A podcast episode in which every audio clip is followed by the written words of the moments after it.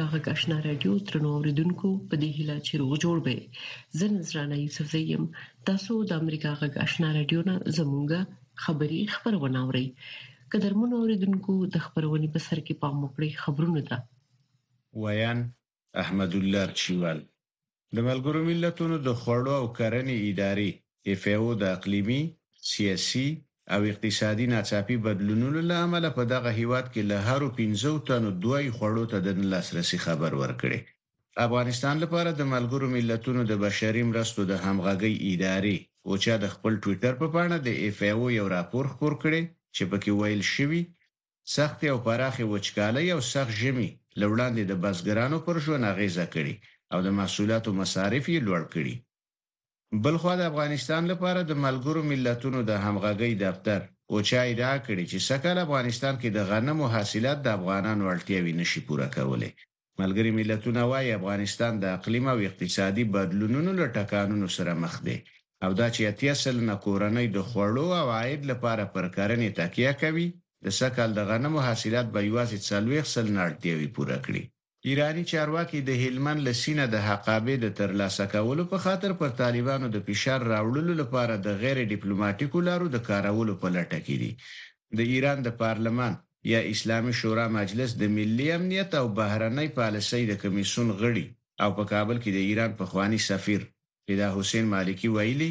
د ایران د ملي امنیت عالي شورا له ډیپلوماسۍ پرته داسې لارې لټوي چې په مټ یې له هلمند سینه د ایران حقابه ترلاسه شي. هغه ویلي، په تهران کې د طالبانو د سفارت تړل یا له طالبانو سره د سیاسي،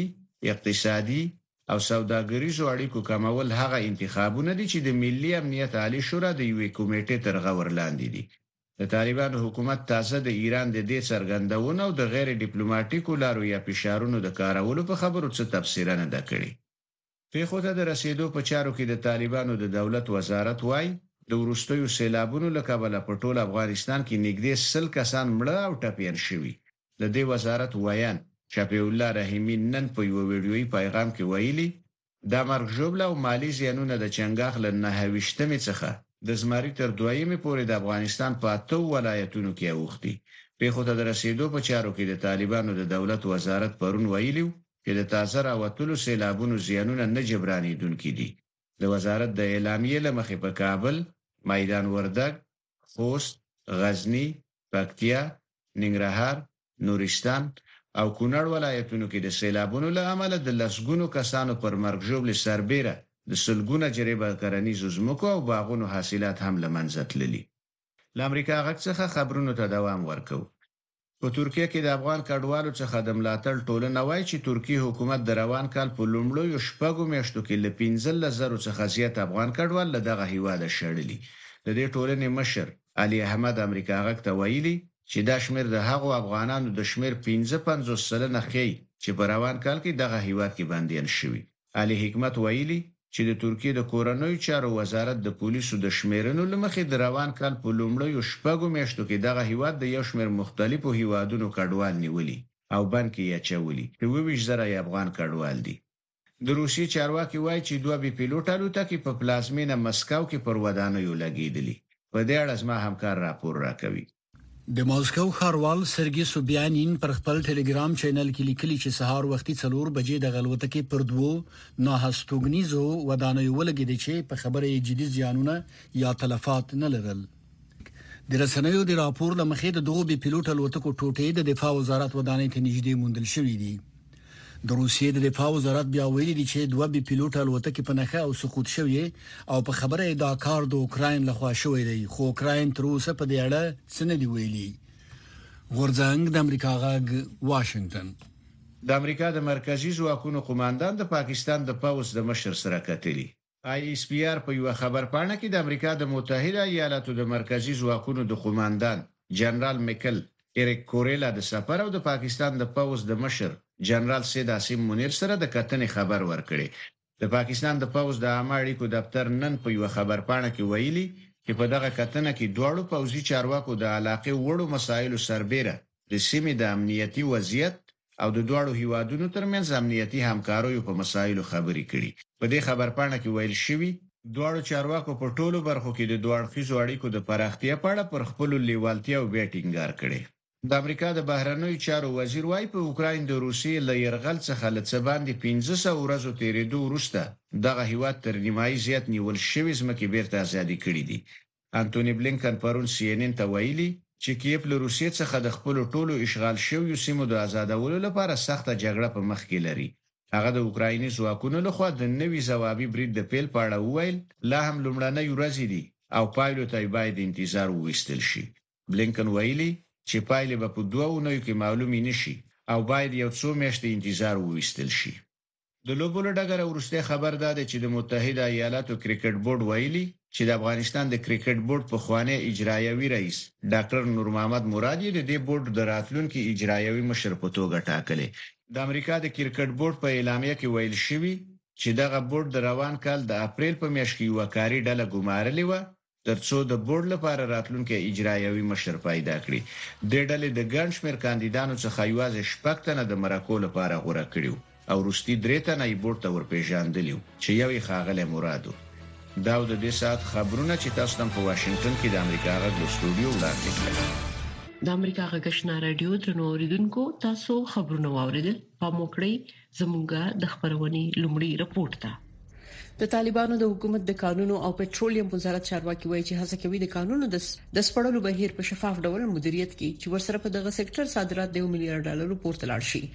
د دغه وزارت چارواکي وایي اوس مهال د وزارت د قانونو د سپړلو په برخه کې 200 فعال قراردادونه لري پام وکړئ د اکرام شینواری رپورت ده د طالبانو د حکومت د قانون او پېټرولیم وزارت سرپرست مولوی شهاب الدین دلاور وایي چې په افغانستان کې د قانونو د سپړلو څخه د متوازن انکشاف لپاره کار اخیستل کیږي او هڅه کیږي چې د قانونو اوایدو څخه عمل منفیا پروژو او د دوامدار او موثري اقتصادي ودې لپاره په صداقت او روڼتیا کار واخلي اخیستل شي. مولوي شهاب الدین دلاور د دوشنبې په ورځ کابل کې ملت ته د دولت حساب ورکولو تر نامه لاندې خبري کنفرانس ته په وینا کې وویل چې اوسمهال په هر ولایت کې د کانونو د ساتنې او قانوني ډول د کانونو د سپړلو لپاره یوه کمېټه جوړه شوې ده. د دې لپاره طرز عمل جوړ شوی ده، اجازه لیکونه ورکول کېږي او د دې نظارت کېږي، دقیق دقیق نظارت د هر معدن چې چاته ورکړل شوی ده د هغه دقیق نظارت کېږي، بیا چې کوم استخراج وشي،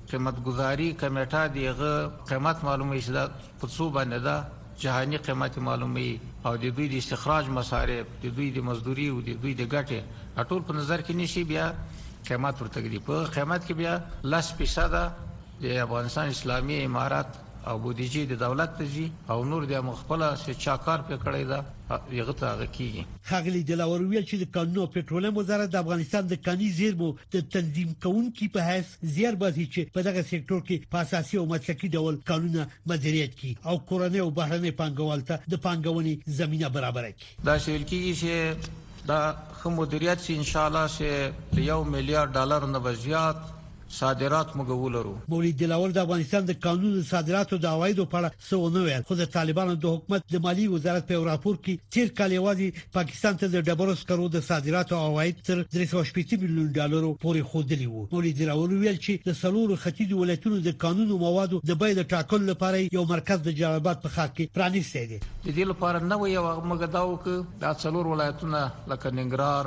لغمان نورستان کونړ د دې چې څومره استخراج کیږي قیمتي او نیمه قیمتي کاني به یو مارکیټ جوړ سوی ده په جلال اباد ښار کې دی ته راوړل کیږي همدې ځای کې به قیمت کیږي همدې ځای کې به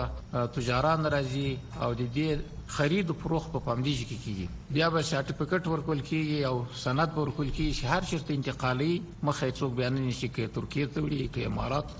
د کانونو او پټرولیم وزارت ویاند همایون افغان دغه خبري کانفرنس ته ویل چې اوسمهال په بیلابیلو ولایتونو کې یو سل اته کوچني کانونه د ازادې داوطلبۍ له لارې کورنیو پانګوالو ته په قرارداد ورکړل شوي دي. هغه ویل چې د دې وزارت د سروې ټیمونه په پنځه ویشت ولایتونو کې د بیلابیلو مینرالونو څلور سوه درې نوي کاني نښې او کانونه سروې کړي چې دا ساحې به داوطلبۍ ته وړاندې شي. همايون افغان د لاسلیک شوو پروژو څخه د کندهار شوراندام د سیمې د سیمنټو پروژې د هرات د ډبرو سکرو پروژې د کونړ ننګرهار د مرمرو پروژې او د هرات د مسو شیدا پروژو یادونه وکړه او ویل چې د تخار او بدخشان د سرو زرو د وینځلو کانون سروي هم شوي او د داوطلبۍ له لارې به پنګوالو ته په اجاره ورکړي شي د اقتصادي چارو یو افغان کارپو روح الله احمدزي په افغانستان کې په اوسنی وضعیت کې د کانونو د سپړلو او د کاني موادو صادرات د قانوني پلوه تر پښتنې راوستل او وایي چې دا چاري باید یو مشروع حکومت چې په کور دننه او نړیوال مشروعیت ولري تر سره شي. هر هغه مهال چې افغانستان کې یو مشروع حاکمیت او اقتدار رامنځته کیږي د نړۍ بیلابیل هیوادونه په تیره بیا دا شان هیوادونه چې په کانونو کې غواړي پانګونه وکړي او هغه اوږدمهاله ثبات ته دوی اړتیا لري دوی تر هغه مهاله پورې به د پانګونې په برخه کې عملي ګامونه نه اوچتوي، لېوالتیا ښکاروي، غواړي چې پانګونه وکړي، اما عملي ګامونو لپاره زه فکر کوم دوی په اوږدمهالو پروژو کې زړه نه ښه کوي. افغانستان د نړۍ په هغو هېوادو کې شامل دی چې د ځمکې لاندې پراخه مېنرالي زېرمې لري، خو په تېرو شاوخوا پنځوس کلونو کې په دغه هېواد کې د جګړو او بې ثباتۍ له امله د دغو زېرمو څخه هېڅ ګټه نه ده پورته شوې. د بدلون پر مهال کله چې د نړۍ وضعیت څرګند نه وي او کله چې اوریدل ل عیني واقعیتونو سره سمون نه خوري موږ په حقیقت پسې ګرځو کله چې موږ ته د یو موضوع یوازې یو اړخ بیانېږي نو باور بایلو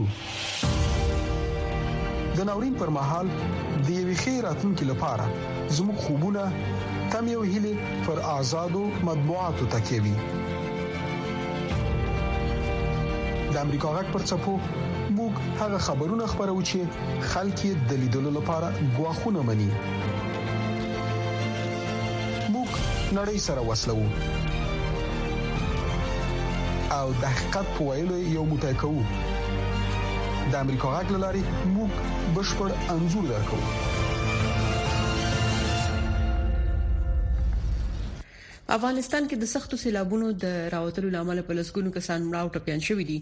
د طالبانو د طبي پیښو په وړاندې د چمتووالي د ادارې مسولین وایي چې ډیر مرګجوبله او مالی تاوانونه د افغانستان په مرکزی ولایتونو کې رامنځته شوي دي پام وکړئ د رپورت ته بسم الله الرحمن الرحیم د طالبانو د طبي پیښو په وړاندې د چمتووالي د ادارې مسولین وایي چې په افغانستان کې د ورستي سیلابونو لامل یو دیش کسان مړ شوي څلور اویا ژوبل شوي او یو څلويخ نور تری تم دي وروستیو سیلابونو کابل، ننګرهار او غزني ولایتونه هم زیانمن کړي، خو ډېر ځاني او مالي تلفات په میدان وردګو ولایت کې اوښتي دي. یک بیست و سه نفر شهید داریم میگن اینجا پنجاه خانه خراب شده به غیر زمین ما به غیر پل پوشک و به غیر همین مال و مواشی که وضعیت بسیار در حالت بحرانی است مردم ضرر دیده متضرر شده حالتشان خرابه نه سرک مانده نه پولچک مانده نه زمین مانده نه مواشی مانده هیچ چیز برای مردم نمانده د طالبانو د طبيعي پیښو په وړاندې د چمتووالي د ادارې ویاند شفیع الله رحیمي رسنۍ ته ویلي چې د میدان وردګ ولایت په تیرو درې ورځو کې تر ټولو ډیر سیلابونو ځپلی دی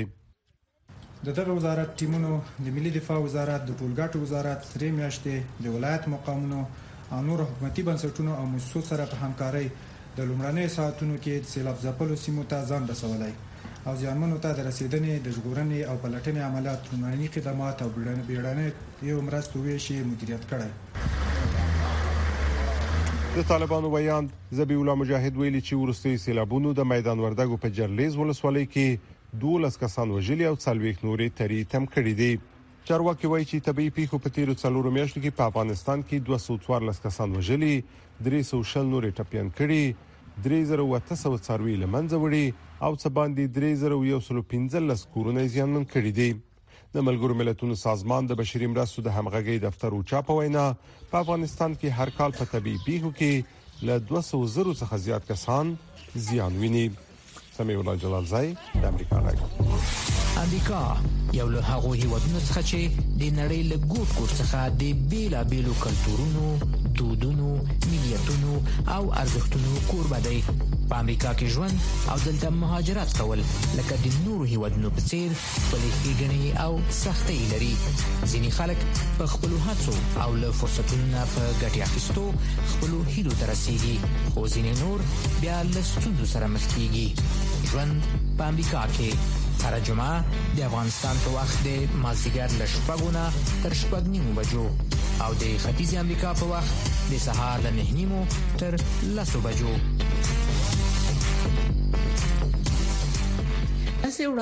ویل شوي چې روانه اونۍ به د نړۍ په ډیرو سیمو کې د هوا د تودوخې درجه په بې ساري ډول لوړه شي پوهان په دې باور دي چې اقلیمي بدلون د تودوخې لوړېدو سبب شوی او د نړۍ د کاتولیک عیسایانو روحاني مشر د نړۍ د مشرانو غوښتنه کړې چې د اقلیمي بدلون سره مبارزه وکړي پام وکړئ د رپورت ته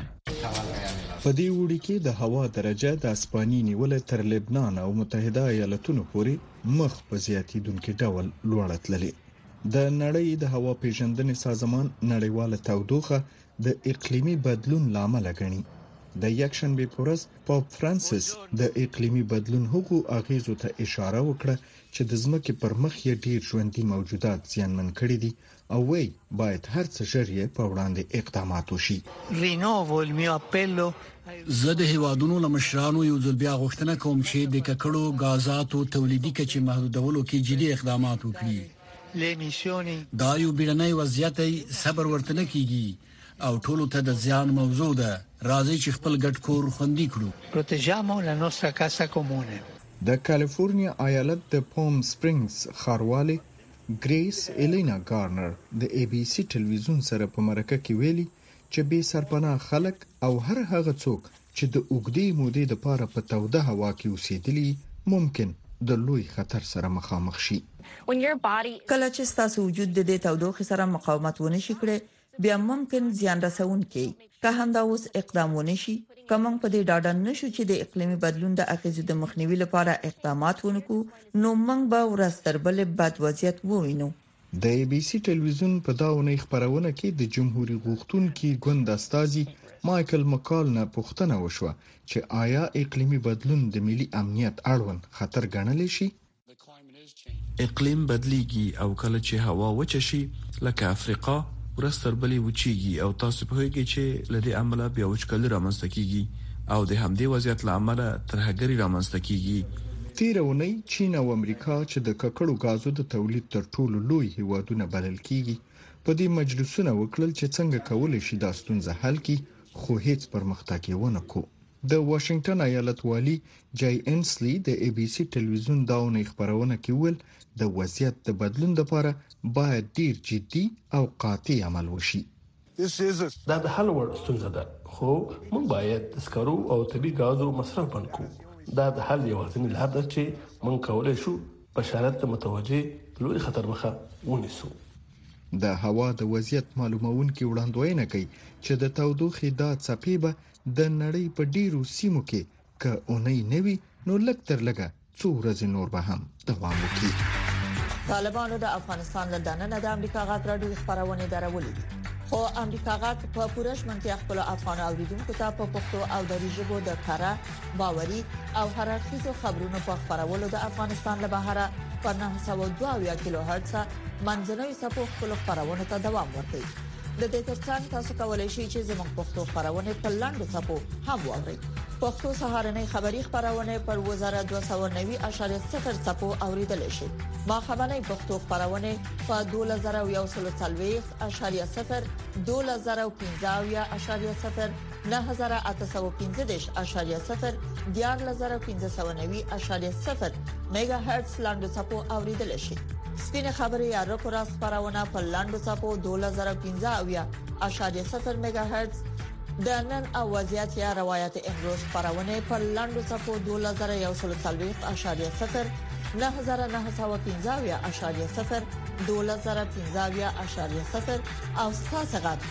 یا صداي شما خبرونه پر لاندو سپو 2513.0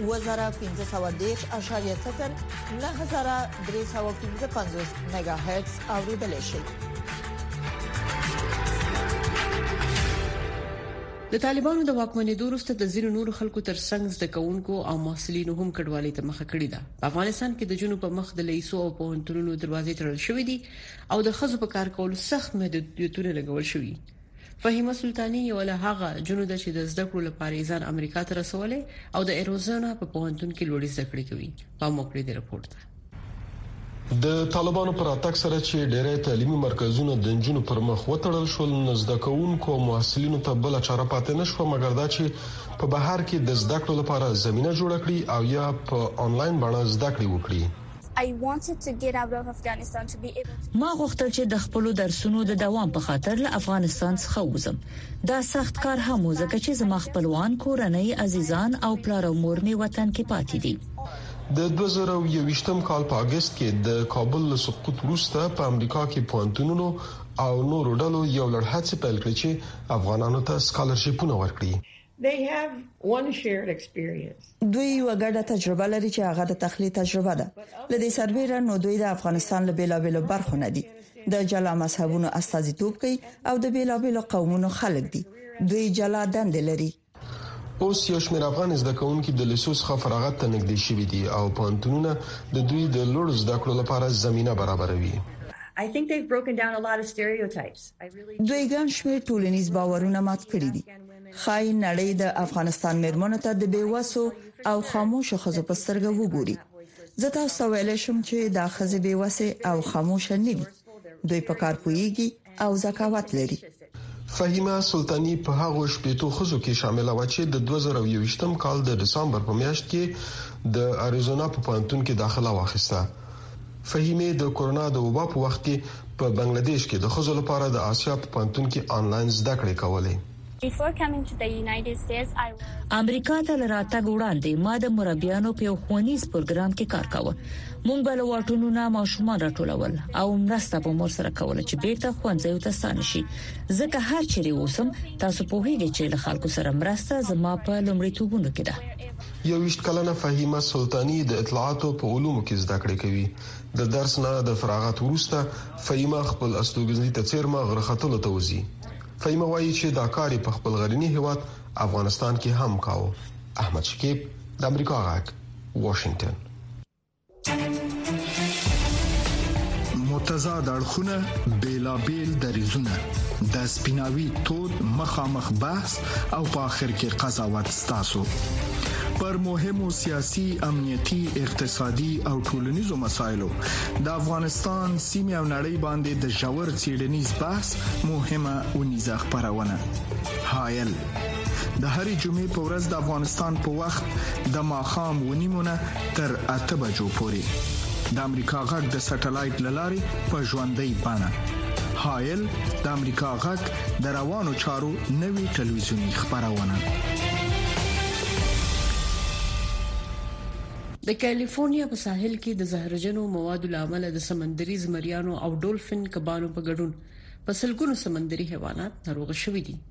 نور تفصيل په دې رپورت کې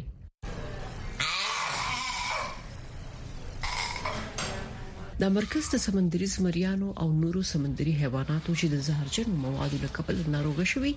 د بیا روغېدو لپاره کار کوي ډاکټر الیسا د کالیفورنیا په لاګونا ساحل کې د پاسفیک سمندري مرکز کې د حیواناتو او سمندر ساينس پوه ده هغه وايي زار کولای شي په سمندري حیواناتو کې د مغزو مرزونه پیدا کړي مونږ د جون او جولای په میاشت کې په اوسط ډول ممکن د کالیفورنیا د دریونه تر شپږو پورې سمندري زمریان ژغورلي وي او په تیر شپږو اونیو کې مونږ د یو سلو څلورونه ډیر ژغورلي دي زهرجنه الجی هغه وخت زیاته وده کوي کله چې اوبه ګرمې شي لکه څنګه چې سږکال د ارام سمندر اوبه د اوسنۍ هوا سره چې د النینو په نوم پیژندل کیږي ګرمې شوې دي د ژغورنې کارکونکو او حیواناتو ډاکټران یو سمندري زمری معاینه کوي د هغه د وینې نمونه ګوري یو زهرجن عکس العمل ممکنه حیوانات دلته راوړي وي خو دا هم کې دي شي چې د ډیرو نورو ستونزو لامل وي. مونږ ته معلومه شوه چې دغه حیوانات چې مونږ ته راوړل کیږي د څلوېښت سلنې نه زیات د ټوپک د ډزو ټپونه لري. کیدای شي چې دوی د دې وجې نه ساحل ته نه وي راغلي خو دوی له دې کبله هم رنځیږي. اکثره کب نیونکي د کبانو د نیولو لپاره په سمندر ډزې کوي او دغه حیوانات زخمي شي. ځینې بیا په جالونو کې د نښتو سره زخمیان کیږي. په دې مرکز کې. بیا د دوی درملنه کیږي ډاکټر ډیمینګ د سمندري زمري ایکس ری معاینه کوي چې د ټپي شوی خپې جراحي شوې ده دا ډیره جالبه ده زما مطلب دا دی چې مونږ ټول دلته د دوی سره مرسته کوو چې دوی روغ شي او بیرته سمندر ته ولاړ شي او دا ډیره ښه ننداره وي چې کله دوی روغ شي ځینې حیوانات هېڅکله نه رغېږي، خو کارمندان وايي چې د هغوی د روغتیا لپاره یې هڅې ضروري دي. نذرانه یوسفزۍ، امریکا غږ، واشنګټن.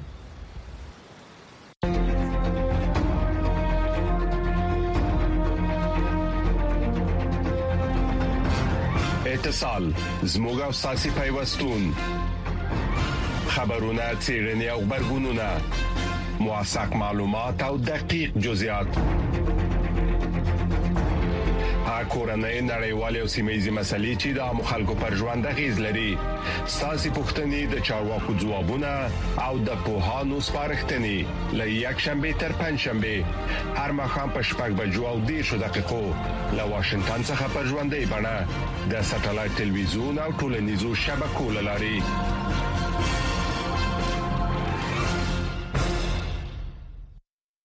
په پیښور کې د یوې داسې افغاني کورنۍ د ژوند حال درکو چې غړي د ټیټو قدرتونو لرلو له کبله خزوريږي دغه کورنۍ د بیوزلۍ او بیکاری له کبله پاکستان ته کډوال شوې دي زموږ همکاري مسکا صافي رپورټ را لګلې د کابل ښار اوسیدونکو 15 کلن قاری جان او د هغه څلور اولادونه چې ټیټ قدونه لري په افغانستان کې د کار د نشټوالي له کبله درې کاله وړاندې پېښور ته راکډوال شوي دي قاریجان اوس دلته د سړک په غاړه بوټان رنګوي او د ورځې له څلورو تر پنځو سو روپیو په ګټلو سره د خپل شپږ کسیزې کورنۍ پالنه کوي هغه وایي د خپل قد او جسمي جوړښت له امله د همکارۍ پر ځای آن د ماشومانو لخوا هم ځورول کیږي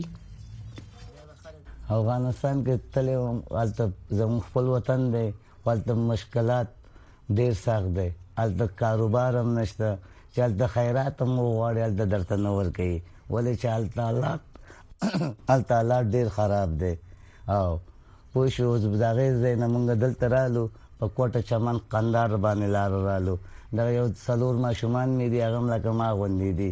منری منری دي او بس په دې کلي کې وګرځېږو په دې کوڅو کې ماشومان هم اواز کوي لنډی دی او لنډی دی لنډی دی او زه ورته غږ نه کوم زه خیر دی ما ورته پرېږې دی ماشوم دی چې ورته څه ووایې پوه شي هغه بیا نور خبر مشران به راشي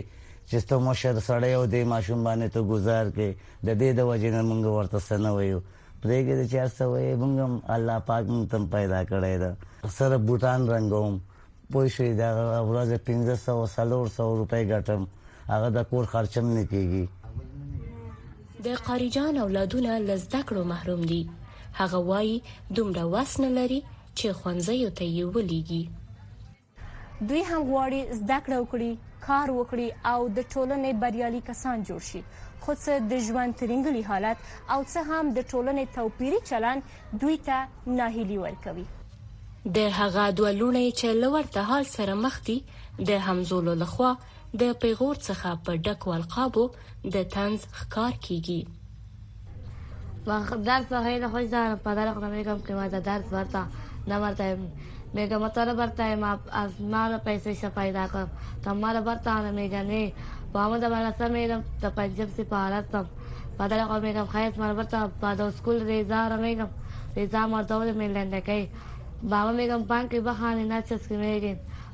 پامی صاحب میرم پان نزد نشانه مدرسه هیله خوش دار بکه میګه ما چه سیمی کوی مدرسه خو د یاد می که. مدرسې ته چې لاړم هغه جینکیان ماشومان چې جمع شي اله وایي چیتاکۍ راغلو اله وایي لنډیان راړو لنډیان راړو بس زه شرمیږم زه بیرته راځم پنځه وخت مونځ هم کوم تسبیح هم اچوم اودس هم کوم د الله نه روزي غواړم د بنده نه نه غواړم. دا مهال په خیبر پښتونخوا کې د ټیټ قد لرونکو خلکو شمیر شاوخوا درې زرو ته رسیږي خو دوی ته د دولت لخوا د کار روزګار څه زمینه نه دی برابر شوی نو ځکه وای چې د ټولنیزو او اقتصادي ستونزو سره مخ دي مسکا صاحب امریکا غږ د امریکا غږ پر چپو موږ هغه خبرونه خبرو چې خلک یې د لیدلو لپاره غواخونه مني موږ نړۍ سره وسلو او د حقیقت په ویلو یو متای کوو د امریکا غږ لاري موږ بشپړ انځور درکو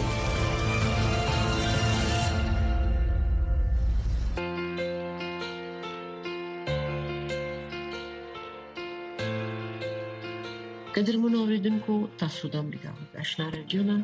زموږه خبری خبرونه واوریده موږ تاسو نه په دې هیله اجازه غواړو چې خبرونه به اوریدلې وي